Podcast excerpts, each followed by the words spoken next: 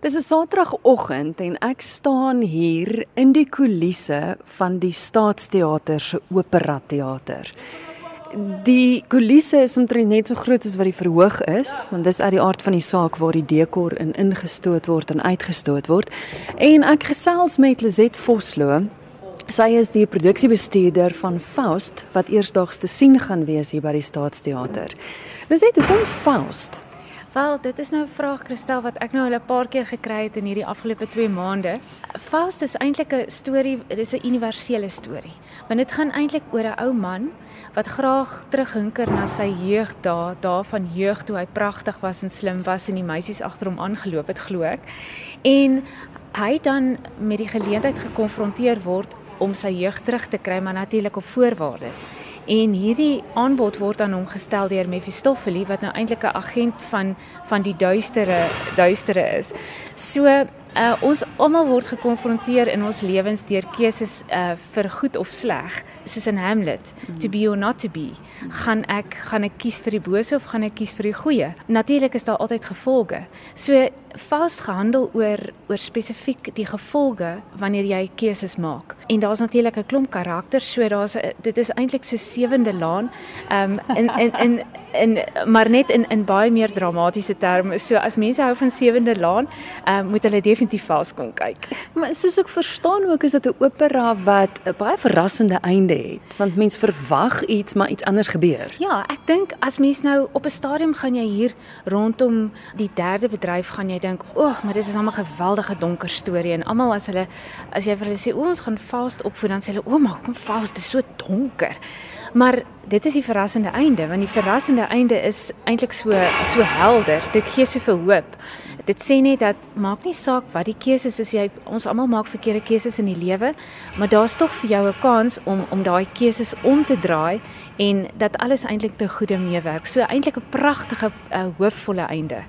Ek en jy gaan gou 'n bietjie deur die dekor stap want jy het vir my gesê dat die dekor speel nogal 'n geweldige belangrike rol spesifiek in die uitbeelding wat jy hier het van Faust. Ja, ek dink die funksie van dekor um, in 'n produksie is is om 'n jy skep eintlik 'n nuwe realiteit vir die gehoor. Vir daai 2 of 3 ure wat hulle in die gehoor sit, skep jy 'n realiteit. So mm. jy wil hê hulle moet ingetrek word in die storie. Hulle moet vergeet dat hulle in Pretoria in 2018 sit so die dekor word baie oordeelkundig gekies om om die storie eintlik die verhaal die libretto te ondersteun. So as jy dit byvoorbeeld 'n donker deel is in die libretto, mm -hmm. dan wil jy 'n misterieuse um, atmosfeer skep op die verhoog. So jy gaan dan dekorstukke kies wat daai atmosfeer skep en dan moet dit natuurlik die dekorstukke moet verkieslik in periode wees. So jy moet gaan kyk na die periode wat die komponis in gedagte gehad het en dan moet jy dekor stukke kies wat dit ondersteun. Van watter tydperk praat ons? Kyk, die die kostuum sal jy ook sien wat Hans Niels Hansen ont, um, ontwerp het is is is eintlik speel hier in die rennes wel 'n baroktyd renessans. So die dis toe die mans die stywe kouse gedra het en die kort jurkies sal ek nou maar sê. So jy sal sien uh, daar sal byvoorbeeld nou nie enige elemente wees wat in daai tyd alreeds bestaan het. So uh, byvoorbeeld 'n pen, daar sal nie 'n balpuntpen wees nie, daar's 'n veerpen hmm. waarmee jy skryf. Ehm um, al die glase wat jy hier sien waar het hulle en en en die tafels um, en die faadjies uh, dit lyk alles asof dit uit die tyd van 1600s uitkom. Mm.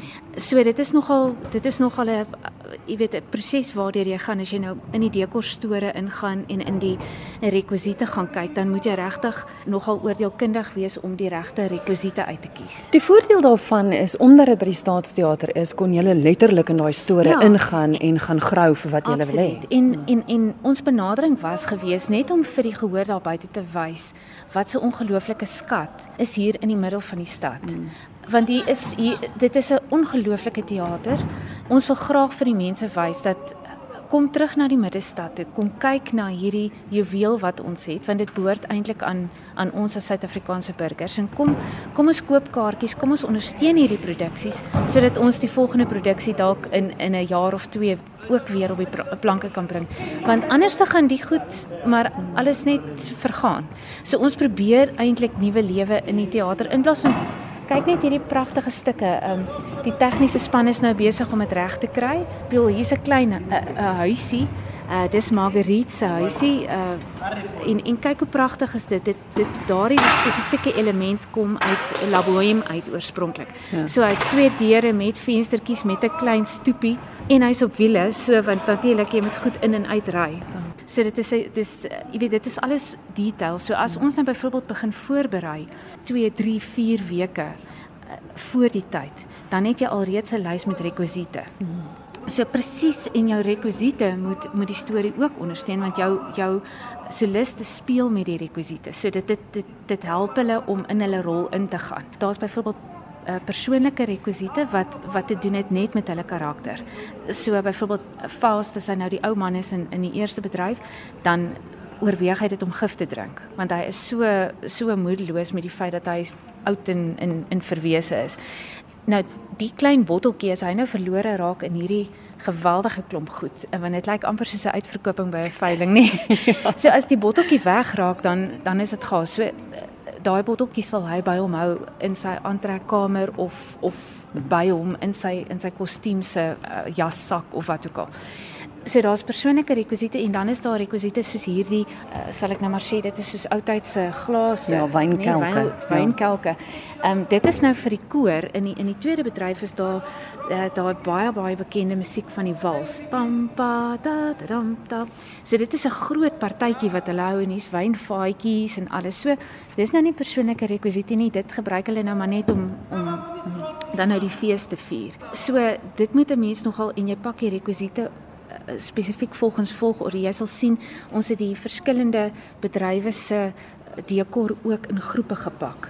Um, ja, ek wonder hoeveel luisteraars weet dat wat hier agter gebeur is eintlik dit dit is geordende chaos ja. want alles moet altyd op dieselfde plek teruggesit ja. word sodat jy weet waar om dit weer te kry. Ja, so en wat wat ook interessant is is um, ons tegniese span so vir die luisteraars net wat ek nooit geweet het nie dis ook vir my iets nuuts wat ek geleer het is dat mense het 'n tegniese span op die verhoog en en hierdie ouens is nie net sommer iemand wat jy kry van die van die straat af nie.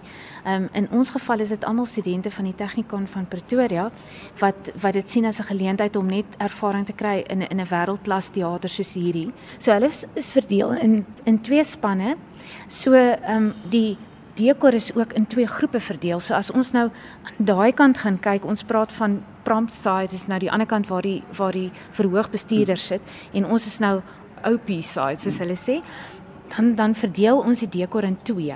So die een span beweeg in van daardie kant af en die ander span van hierdie kant af. So, maar nou dit is 'n hele koördinasie.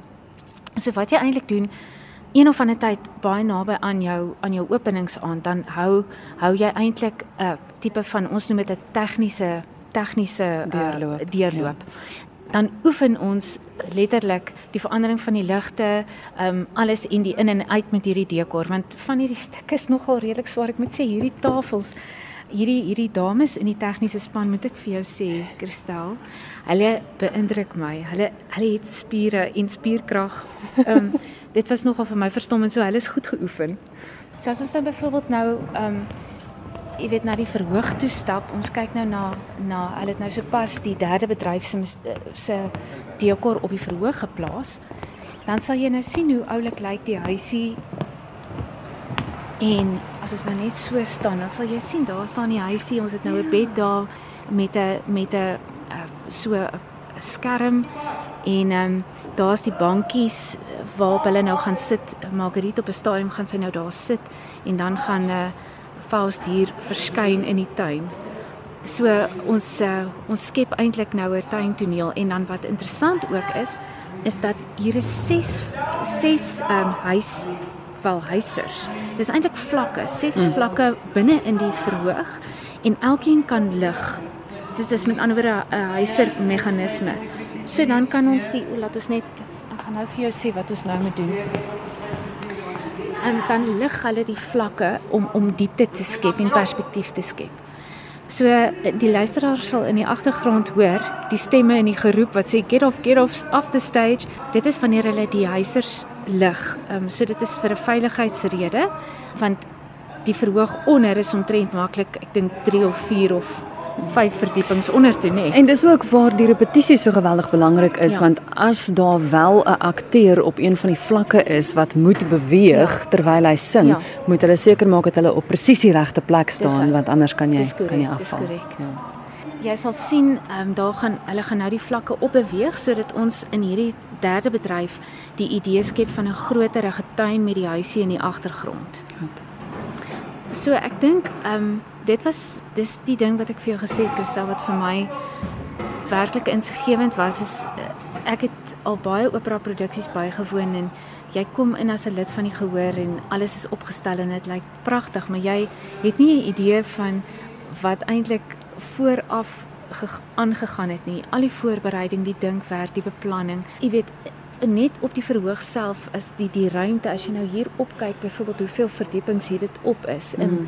en hierdie ligte byvoorbeeld die ligte word afgesak tot op verhoog vlak dan word hulle ingestel en die beligtingsontwerp persoon sy sit op hierdie stadium agter in die in die in die auditorium en sy programmeer die ligte om presies op die musiek te verander en daar word sulke leidrade ingeskryf in die musiek. Om te sê goed op hierdie punt as is die sanger hierdie woord sing dan druk jy daai knoppie dan verander die ligte um, so dit word noukeurig beplan stap vir stap. So dis ook waarom die tegniese personeel die dekor in en uitdra en rondskuif soos wat ons nou hier sien.